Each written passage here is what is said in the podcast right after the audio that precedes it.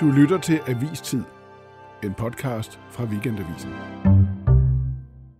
Politiets efterretningstjeneste PET har anholdt fire personer mistænkt for at have lækket oplysninger fra politiets efterretningstjeneste og fra Forsvarets efterretningstjeneste. De fire er nuværende og tidligere medarbejdere i de to efterretningstjenester, og de er sigtet for blandt andet at have videregivet højt klassificerede oplysninger.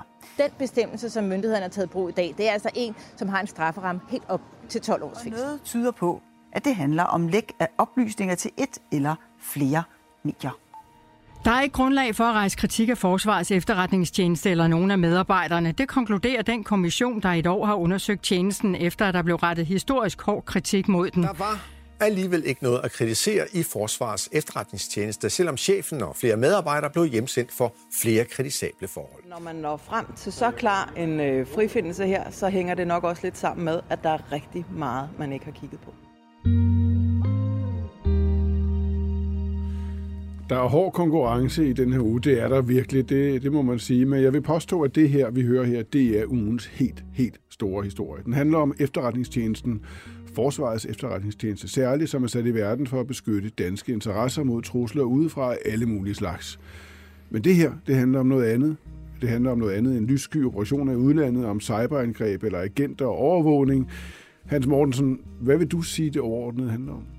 Det handler om, hvorvidt vi egentlig har en fungerende efterretningstjeneste. Der har været en kæmpe krise. Øh, ledende medarbejdere er sendt hjem, undersøgt. Det er endt i det rene ingenting. Nu sidder der pludselig så en masse folk anholdt, øh, varetægtsfængslet, øh, for at have lækket oplysninger. Det er som om det hele sejler.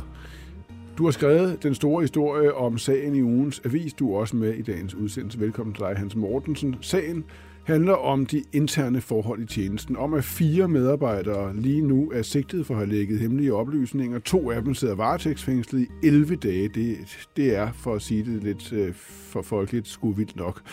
Den handler om hele ledelsen i efterretningstjenesten, der blev sendt hjem sidste år på beskyldninger om at have handlet ulovligt, og i denne uge så blev renset for beskyldningerne. Og så handler den om en meget opsigtsvækkende samtale, jeg selv har haft med chefen for efterretningstjenesten. Hvad foregår der egentlig? Vi prøver at binde alle disse tråde sammen i denne udgave af Avistid.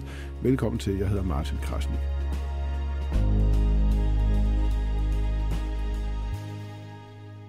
Vi begynder med det sidste. I slutningen af sidste uge, sidste fredag, fik jeg og de andre chefredaktører her på aviserne i Pilestræde at vide, at cheferne for de to efterretningstjenester, PET og FE, ville tale med os. Jeg skrev en sms til Svend Larsen, direktør i Forsvarets efterretningstjeneste, og da vi så talte i telefon lige efter, så sagde han, det kunne vi ikke øh, fortsætte med i telefonen. Øh, kom ind og tal med mig øh, fysisk, og vi aftalte så et møde i mandags. Jeg cyklede så hen til kastellet mandag morgen, blev vist ind på kontoret, hvor Svend Larsen så ventede med en kop kaffe. Nogle timer senere skete det samme for min kollega på Berlingske, Tom Jensen, og du sidder nu her overfor mig. Velkommen til Avistid. Øh, Tom, hvad var dit indtryk af situationen, da du kom anstigende der på kastellet? Jamen, øh, sådan at, at, at det jo var øh, alvorligt ment. Hvordan altså, fik du det indtryk? Jamen, Ja, man møder jo op der øh, øh, på, på kastellet og afleverer alle sine elektroniske øh, aggregater øh, i en øh, boks med en nøgle. Ja. Så bliver man ført over på Forsvars, Forsvars efterretningstjenestes chefs kontor. Ja. Har du mødt ham før? Jeg har ikke mødt ham før, nej. Ja, heller ikke jeg. Øhm, og, øh, og nøjagtigt som dig blev jeg bænket med en, en kop kaffe, der var blevet mørkt, ja. da jeg kom. Okay. Øh, måske bidrog det lidt til, til, den, til, til stemningen til af, at det her var al, alvorligt ment. Ja. Lad, os lige, øh. lad os lige fortælle om, hvad det handlede om. Altså, til mig sagde han, at det drejede sig jo om, og det tror jeg også, han sagde til dig, at, øh, at man ugen før havde anholdt og sigtet fire medarbejdere for at brugt paragraf 109 om at videregive oplysninger, der kan skade statens sikkerhed. Det er en alvorlig paragraf. Det handler om statssikkerhedshemmeligheder osv. Han vil bare lige minde om, at den paragraf altså også gælder os i medierne og journalister og redaktører, at hvis vi videregiver det, som øh, folk bliver fængslet for at have lægget inde i tjenesterne, ja, så rører vi sgu også i spillet. Ja. Og til mig sagde han, at det kan godt være, at vi ikke får 12 år som en strafferamme, men det bliver ikke et par måneder, mm. det er flere år. Ja, så specifik var han ikke over for, over for mig, men, men, men strafferammen øh, øh, er der jo ikke nogen tvivl om i den paragraf. Og, øh, og man kan sige, Øh, det jeg jo interesserede mig lidt for øh, under samtalen, det var jo, jamen, hvad må det er for en sag? Ja. Øh, det må være en alvorlig hvad, sag. hvad er det for en historie, du ikke må bringe? Ja, altså Ja. det må være en, en virkelig, virkelig alvorlig sag. Ja. Altså, Blev du klogere på det? Nej, det blev jeg ikke rigtig klogere på, fordi det kunne han jo, det kunne han jo ikke Ja. rigtig specificere. Mm. Øh, men det må jo være en virkelig, virkelig alvorlig sag. Ja. Altså, hvem er det, der er anholdt for hvad? Ja. Øh, og øh, og det, det vil jeg selvfølgelig gerne vide. Det kunne han ikke fortælle. Og når han ikke kunne fortælle det, så sad jeg jo lidt tilbage med den der fornemmelse af, at så var det en ret bred besked, vi fik. Ja, altså han talte til mig om de mange læk, der havde været i hans tjeneste i de senere år. Herunder den læk, der handler om efterretningssamarbejdet med, med USA. En læk, der handlede om, øh, om øh, vurderingen af syrenkrigernes børn, og hvorvidt de var til fare for Danmark. Mm. Og den læk, der handlede om en dansk øh, agent, som øh, nu sidder i spjældet i Spanien. Mm.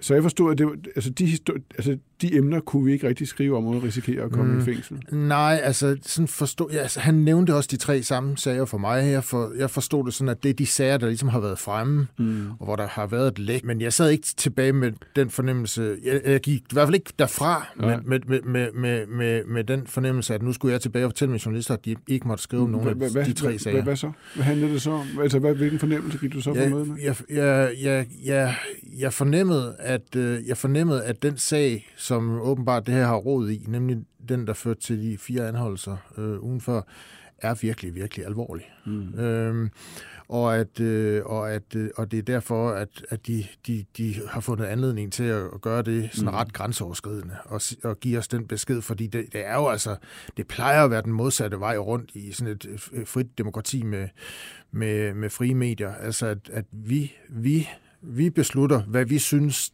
tjener offentligheden at få at vide gennem vores medier. Og er der så nogen, der har et andragende med det, så lægger de sag an bagefter. Ja, eller stopper os lige før. Ja, vi det kan, det kan ske. Det, det kan ske. Det, kan var jo også ske. det, der skete med The Pentagon Men- Papers ja, i USA. Ja, altså det kan være en meget konkret historie. De siger, stop lige, det der, det kan I ikke bringe, så må Præcis. vi jo finde ud af, om vi ved det eller ej. Ja. Øh, Jeg har talt med nogle andre af vores kolleger, der har, der er nogle andre, der har været til samme møde i, i de der dage, og nogle af dem siger, at det, det var ikke så alvorligt, og det er sådan, der har også været en leder i børsen, øh, hvor chefredaktør Bjørn Kort, siger, at medierne skal jo også kunne holde på hemmeligheder, hvis det kan skade statens sikkerhed og interesser og borgernes liv og levende og sådan noget. Hvordan opfatter du det? Er det, er det inden for skiven, eller er det udenfor? Ej, jeg synes, det er uden for skiven. Altså, altså, må, ja, altså, må de gøre det? Ja, de må godt gøre det. Øh, altså, jeg tror ikke, de har overtrådt nogen øh, Mm. mm. bestemmelser nogen steder ved at gøre det. Øh, de har brugt selv øh, formuleringen en servicemeddelelse, Ja, og så kan, kan man jo sidde tilbage og være taknemmelig for det. Ja. Øh, men men, men det, det er for mig at overskride en grænse for, hvordan vi normalt praktiserer det at have frie medier i vores demokrati, at man finder anledning til at give os den besked. Ja.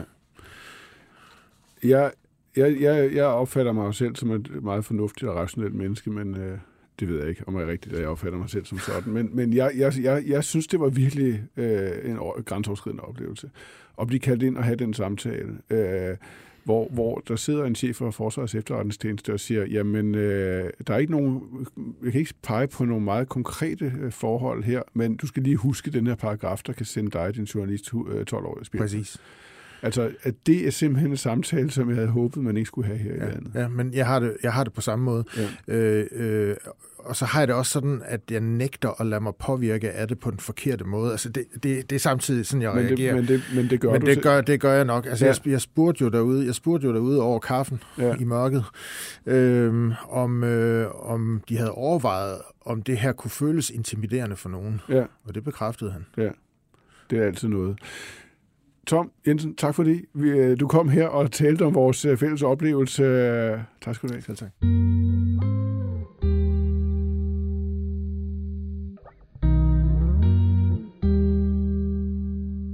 Hans Mortensen, du har skrevet om den her sag i halvandet år. Nu følger den virkelig, virkelig tæt. Øh, og den historie og møde på kastellet, vi lige hørte her, det er jo ikke det afgørende. Det er konteksten, der er afgørende. Fortæl, hvad udgangspunktet er for det hele. Jamen, det, er, det begynder sådan set i øh, august sidste år, hvor øh, der pludselig kommer en meget, meget opsigtsvækkende pressemeddelelse fra det, der hedder tilsynet med efterretningstjenesterne. De har mistanke om, at der er foregået ulovligheder, ulovlig aflytning af danske statsborgere i, fra Forsvarets efterretningstjeneste. De har mistanke om, at der er, hvad de siger, en, en uhensigtsmæssig legalitetskultur i tjenesten, at der har været spionage mod Forsvarsministeriet, som de ikke har undersøgt. En masse beskyldninger. Øh, forsvarsministeren reagerer ved at hjemsende øh, fem ledende medarbejdere, øh, og der kommer en undersøgelseskommission, øh, der skal undersøge, hvad er der egentlig foregået, er det ulovligt? Mm. Og de er så her forleden nået frem til, at det er der faktisk ikke. Det, der skete sidste år med de hjemsendelser, hele ledelsen, vi taler om ledelsen i efterretningstjenesten, der bliver sendt hjem øh, fra den ene dag til den anden, det handlede jo faktisk om noget. Det handlede om øh, arbejde, særligt samarbejde med USA, og det skrev du om. Fortæl os, hvad det var. Jamen, øh, det der så kom jo frem, det, det var jo pludselig begyndte, begyndte de her hemmeligheder jo at vælte ud, fordi man kan ikke bare sende fem medarbejdere hjem i efterretningstjenesten herunder den øverste chef øh, plus indhentningschefen, som er sådan den, den operative chef, øh, plus andre ledende medarbejdere. Man kan ikke bare sende dem hjem, uden at offentligheden begynder at interessere sig for det. Og så kom det frem øh, øh, i løbet af ret kort tid, at hele omdrejningspunktet var et øh, samarbejde, som Danmark har haft, meget interessant samarbejde, som Danmark har haft siden 1990'erne med den amerikanske efterretningstjeneste NSA, øh, om at aflytte nogle øh, internationale øh, datakabler, som tilfældigvis løber igennem København, og derfor er København interessant for NSA. Øh, der har man haft en, en hemmelig aftale, som har stået på og fungeret øh, siden 90'erne, siden Poul Nyrup Rasmussens mm. regeringstid. Øh, og det har virket, men pludselig fordi det her tilsyn øh, fra en whistleblower, forstår man, øh, får nogle oplysninger om, at det foregår ikke helt efter reglerne, så, så sætter de det her øh, tabernakel i gang. Så, så øh, de hjemsendelser, der var sidste år, de havde som kerne et samarbejde med amerikanerne, ja, som, som er som, virkelig hemmeligt og meget, meget væsentligt for dansk efterretningsarbejde. Altså alle, man kan tale med om det her, det er jo ikke så mange, fordi mm. det, det, der er ikke mange mennesker, der, der er nemmere for i tale, når det handler om efterretningstjenester. De siger, at det her det er guldægget. Mm. Det her samarbejde med amerikanerne er guldægget for Forsvarets ja. efterretningstjeneste.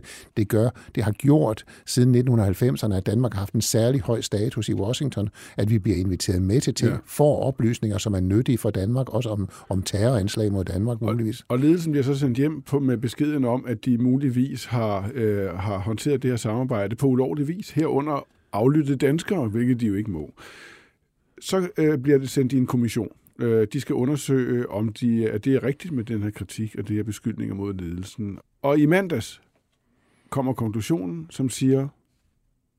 De siger, at der er intet om det her. Og, og, og det er jo det er noget bøvlet noget, fordi... Øh, både kommissoriet og selve undersøgelsens resultat er sådan set hemmeligstemplet, fordi det her, det er jo hemmelige ting, man har med at mm. gøre, selvom de ikke er så hemmelige, som de har været. Men, men konklusionen er ret klar, og det er, at den er formuleret trods alt den offentlige pressemeddelelse, der kommer fra kommissionen, på en måde, så, så tilsynet, det, det, den kritik, de bliver hjemsendt på, de her, det bliver tilbagevist punkt for punkt for ja, punkt. Okay, så skulle man jo tro, det var slut. De blev sendt hjem, der var ikke noget om sagen. Men det er ikke slut. For nogle dage for inden, du har selv været inde på det, så sker der noget endnu mere opsigtsvækkende og dramatisk. Hvad er det? Jamen igen en, øh, sådan en stille pressemeddelelse, som øh, meddeler, at øh, vi har, vi har øh, i dag anholdt, øh, det, det er ugen op til offentliggørelsen af det her, øh, vi har i dag anholdt og, og, og sigtet fire øh, nuværende og tidligere medarbejdere i Forsvars efterretningstjeneste, politiets efterretningstjeneste for at, at, at at have lækket, eller for at have, ja, for at have lækket øh, fortrolige oplysninger for, som, øh, på en måde, der kunne være til skade for statens sikkerhed. Og det er jo mm. altså alvorlige sager. Vi taler om det, der hedder straffelovens øh, paragraf 109, som handler, som kan give en, en straf på op til 12 års fængsel. Det, og det, det, er jo, det er jo medarbejdere i PET og, og FE, de bliver sendt i grundlovsforhør. Øh, to af dem sidder varetægtsfængslet i 11 dage. Det er ikke små ting.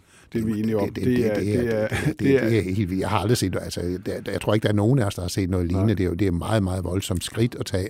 Ja. Øh, Og, øh, og vi ved jo ikke, fordi det var så hemmeligt et retsmøde, man måtte ikke komme ind til det, man må nærmest ikke komme over i den mm. ende af retsbygningen, hvor det foregik, kan jeg forstå.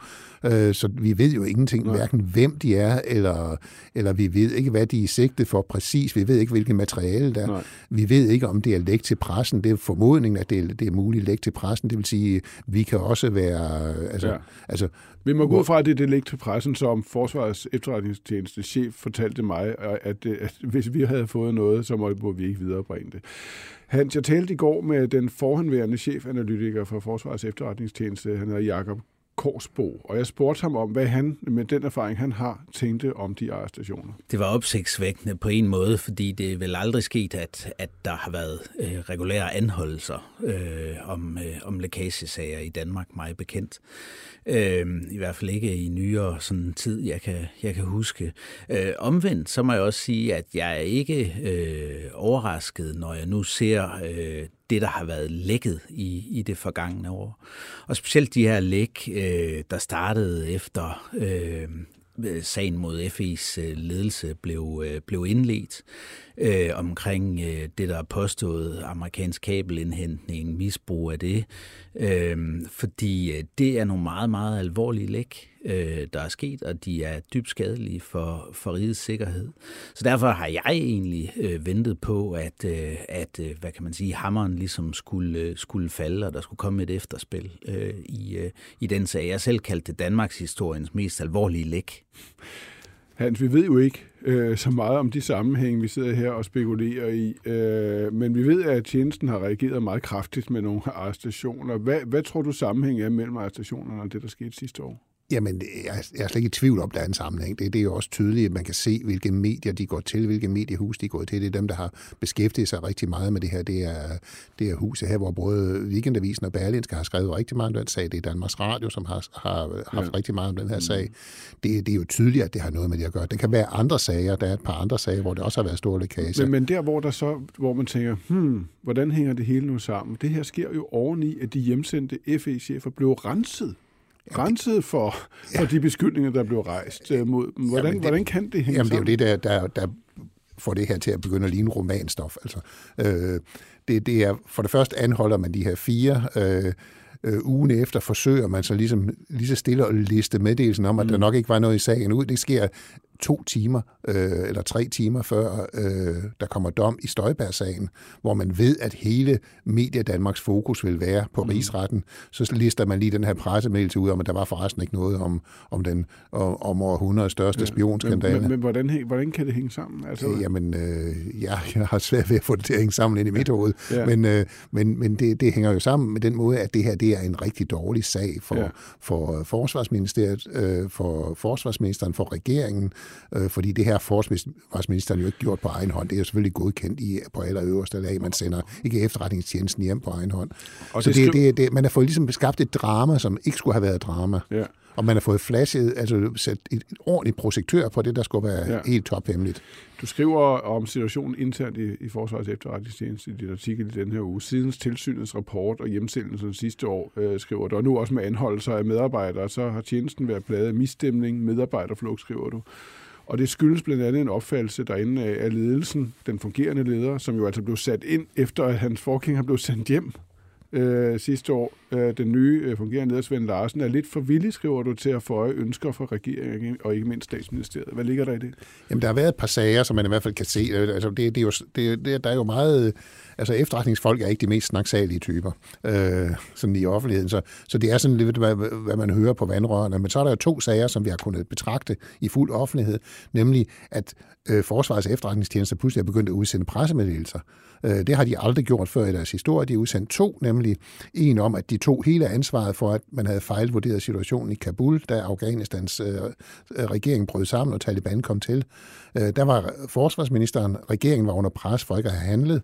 Forsvarsministeren var ude at føre kommunal valgkamp for, for Socialdemokratiet, mens det foregik. Øh, og der tager, påtager efterretningstjenestens ledelse sig så meget opsigtsvækkende hele ansvaret for den fejlvurdering. Mm. Altså kommer regeringen til undsætning. Så kommer sag nummer to. Det er den her sms-sag fra Mink-kommissionen. Det hele hænger jo sammen i en stor balje lige nu.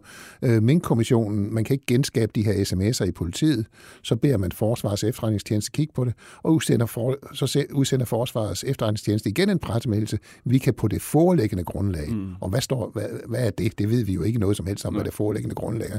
Men sådan, vi kan, vi kan heller ikke genskabe de her sms'er, altså redder regeringen igen.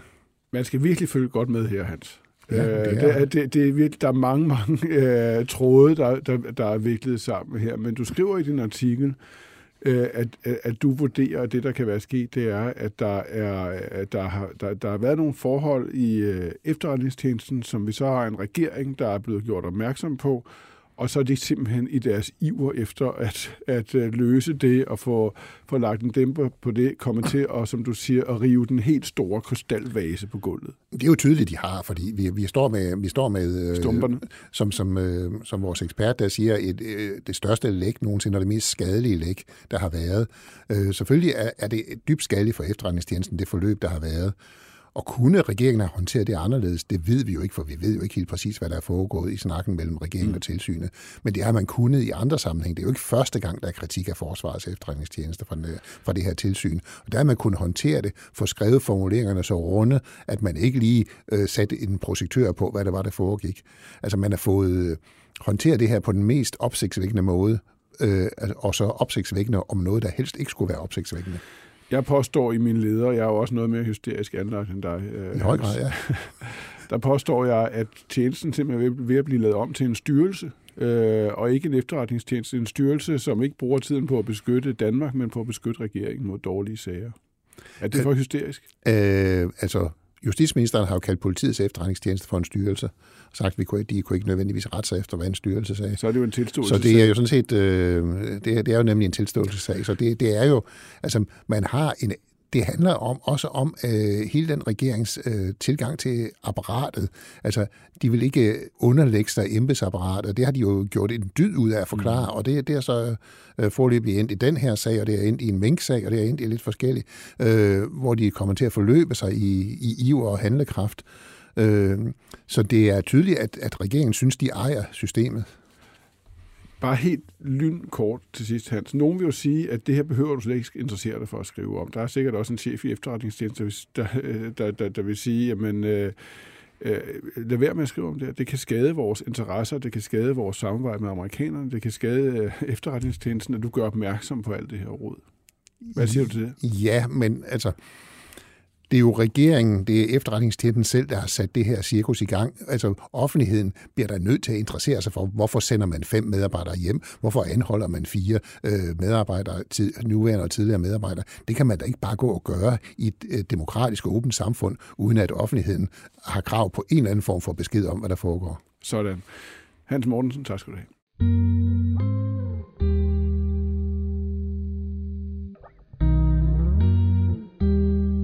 Efterretningstjenesten er altså en ganske alvorlig krise. Men hvor alvorlig? Hvor står efterretningstjenesten nu? Det spurgte jeg også den tidligere chefanalytiker hos efterretningstjenesten, Jakob Korsborg, om, og han svarede sådan her. Den er skadet øh, på sin troværdighed, og øh, inden for efterretningsverdenen, der er troværdighed den hårdeste valuta, øh, der overhovedet er. Øh, og man kan sige, øh, det er uafhængig af, om de her anklager holdt vand, om de ikke holdt vand, og om øh, postulaterne om misbrug af, af kabelindhentning holdt vand eller ikke holdt vand, fordi enhver efterretningstjeneste, som vi er allieret med, kan sidde og se, at FE har problemer med at holde på hemmelighederne, og der er folk, der taler om operative detaljer. Og det er meget værre end, øh, end alt andet stort set. Jeg har fået endnu en gæst i studiet, øh, for det her det er jo alvorlige sager, de skal sættes i et større perspektiv. Og det er dig, Per Henrik Hansen. Du er Ph.D. i koldkrigs- og efterretningshistorie. Du har beskæftiget dig med det i 20 år. Mm-hmm. Øh, og så er du leder af Koldkrigsmuseet ja. øh, på Langeland. Ja. Og øh, i dag skal det ikke handle så meget om koldkrig, men meget om efterretninger.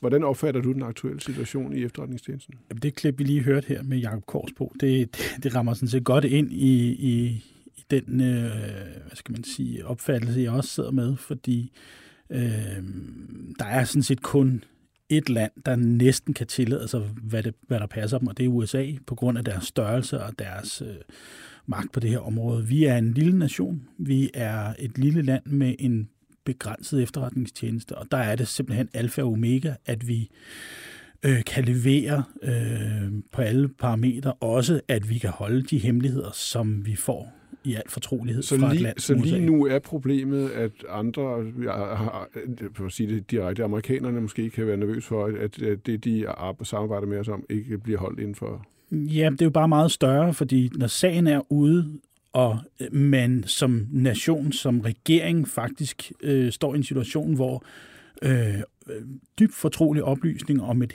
tophemmeligt samarbejde ender mm. I aviserne i Danmark, så kan alle vores samarbejdspartnere i ja. virkeligheden begynde at ryste i bukserne. Ja.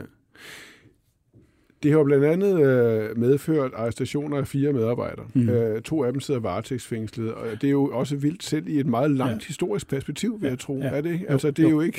jeg, jeg ved ikke, om det nogensinde er sket før. Jeg renter det ikke, nej. nej. Hvad tænker du om det?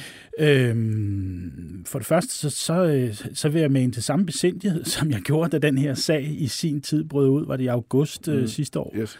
Øhm, fordi vi ved jo faktisk ikke, hvad der ligger bag. Mm. Altså, man kan lave et tænkt eksempel. Hvad nu, hvis den ene af de er arresteret af den mand, som gik og aflyttede sine øh, medarbejdere i mere end et år?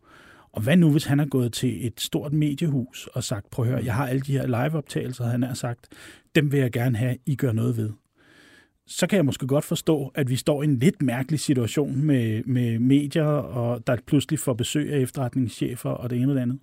Altså, du, det du siger, det er, altså, altså, du kan godt forstå, at man i ledelsen i Forsvars efterretningstjeneste forsøger at stoppe det læk. Det, jeg siger, er, at vi ved jo i virkeligheden ikke, hvad der ligger bag, og så mm. kom jeg med et tænkt eksempel. Øh, ja. og, og, og vi, alle demokratisk tænkte mennesker vil synes, det er mærkeligt, at efterretningstjenestens chefer pludselig dukker op og begynder at løfte pegefingre over for, for danske medier. Men vi må også bare huske, at det er rent faktisk sket, at enkelte aviser jo har trodset demokratiske institutioner og mm. øh, øh, droppet, hvad, hvad, hvad, en, hvad der har været af mm. domstolskendelser, og så trykt ting alligevel. Ja. Synes du, vi skulle lade være med at beskrive øh, de historier, vi, Nej. vi, vi, vi øh, opsnapper og får nys om? Nej, men, men øh, ligesom øh, der er et ansvar i alle mulige andre steder i samfundet, så har medierne det selvfølgelig også, mm. ligesom efterretningstjenesterne har det. Og hvis man skal fortsætte med at have den her magtdeling, der hedder at pressen er den såkaldte fjerde statsmagt, så skal man måske acceptere nogle af de andre magtinstansers udmeldinger, mm. når der er et fodforbud mod at trykke et eller andet bestemt, og så ikke sætte sig op på en pedestal og mm. blive den øverste statsmagt. Så hvordan tænker du, at jeg som chefredaktør egentlig burde forholde mig til, at Forsvarets efterretningstjenestechef siger, altså der, jeg kan ikke sige, hvem det hvilke historie det er, men mm. I skal bare være opmærksom på, at der er altså den her paragraf. I kan ikke videregive oplysninger, som Nej. er blevet lækket ulovligt. Ja. Øh, groft sagt, så vil jeg jo bede dig om at fortsætte, som du hele tiden havde gjort, men, men tænke gevaldigt over, hvad, hvad det, man så skriver i avisen, kan have mm. konsekvenser. Mm. Hvad, hvad, den situation, der er nu, hvem, hvem tænker du har ansvaret for, at det er kommet så vidt?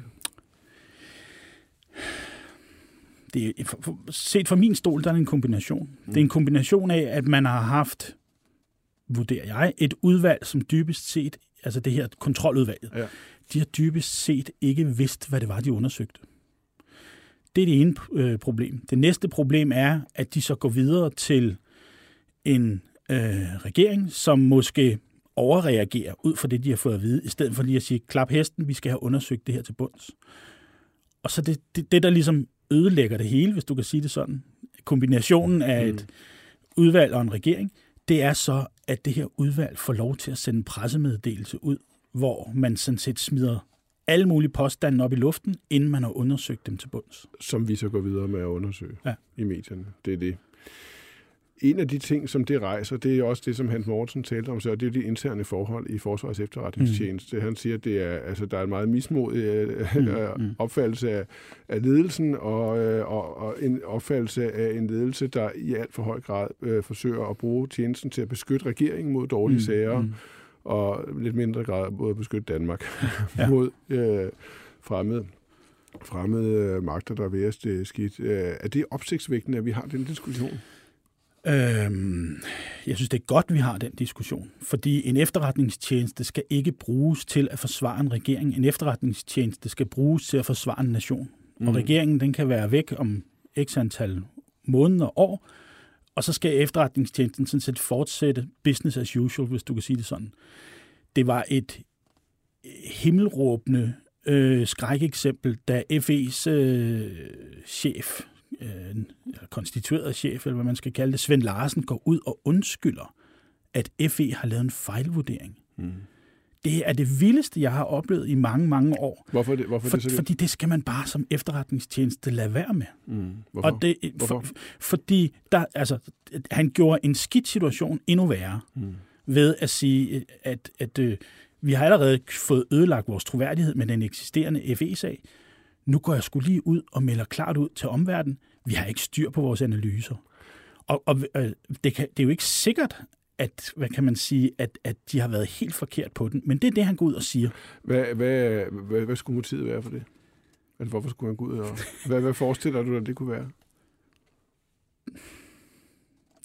Min første tanke, øh, sådan helt Mm. top of the head, det var jo, at, at manden er blevet bedt om det. Han er ikke øh, selv øh, øh, kommet på den idé. Det, det, og det tror jeg ikke, der er nogen som helst efterretningschefer, Mm. der har forstand på det, de går og laver, der kunne finde på at gøre, fordi de ved, hvor ødelæggende det er. Okay. Så, så det, du kan være bekymret over, det er også, jeg spørger jo helt ledende, og, og, og på den måde er det ikke helt rimeligt, for jeg er fuldstændig enig med dig jo, men det, man kan være bekymret over, det er jo, at der er kommet en politisering af en efterretningstjeneste, mm. som man aldrig har set før. Øhm, det, det er i hvert fald farligt, hvis vi får politiseret efterretningstjenesterne så meget, som man ser det i andre lande. Og der, hvor jeg tror, vi har, vi har været bedre stillet, og hvor hvad skal man sige, internationale benchmark-undersøgelser af både FE og PT har vist, at de faktisk ligger på et ret højt niveau efterretningsmæssigt. Øh, det- er jeg bange for at gå fløjten, hvis, hvis politikerne og skiftende regeringer ikke forstår, at det her det er altså ikke noget, de skal bruge som et redskab til at passe på dem selv, men de skal bruge det til at, at passe på, på alle danskere, på nationen og måske også vores samarbejdspartnere. Mm. Og derfor skal man kigge på efterretningstjenesterne i et længere perspektiv, ikke bare sådan her og nu, og så sørge for, at de folk, der sidder der, det er nogen, der er kompetente. Dem, der undersøger i det skjulte, hvad efterretningstjenesten laver, de også er kompetente, og at man må have tillid til, at der er faktisk nogle af de her mennesker, de gør det ikke for, for deres egen vindings skyld, men de gør det, fordi at de øh, arbejder for nationens bedste, hvis du kan sige det sådan. Lad os lige prøve at holde fast på det der større perspektiv i det her. Siger, siger den aktuelle sag noget om den måde, vi forholder os til efterretningsarbejde overhovedet på i Danmark? Ja, for mig at se, så er det jo øh, konsekvensen af, at man i øh, stort set al den tid, vi har haft efterretningstjenester i Danmark, øh, ikke har øh, øh, inddraget dem øh, åbent i en diskussion af, hvad vi er f- som samfund og hvad vi er som nation. Altså, øh, øh, vi er ikke altid et lille H.C. Andersen-land, hvor øh, solen altid skinner og der er svaner i dammen. Øh, vi er også en gang imellem et land, der er offensivt og øh, opererer i udlandet på samme måder, som de store nationer gør. Og nogle gange, så er danske specialstyrker ude og lave det ene og det andet og det tredje, som vi først, måske først hører noget om bagefter. Øhm, og, og det kan godt være, at de fleste danskere har det fint med at være uvidende om det, men det gør bare, at sådan en sag som FE-sagen, den eksploderer. Vi, til, fordi, fordi vi har et for romantisk øh, forestilling om, hvad, hvad sådan en tjeneste egentlig går og laver. Ja, og fordi vi er for, for hvad skal man sige, uvidende. Mm. Altså, der, det er selvfølgelig en balancegang. Folk skal ikke indvildes i efterretningstjenestens hemmeligheder, men vi skal forstå, hvad, det, hvad de er som politiske og samfundsmæssige redskaber. Tusind tak, fordi du kom. Selv tak. Det var ugens avistid, der helt udelukkende handlede om efterretningstjenesterne. Vi lånte i udsendelsen her klip fra DR. Tak for det. Programmet er produceret af Marie-Louise Vesthardt. Mit navn er Martin Krasnik. God weekend alle sammen.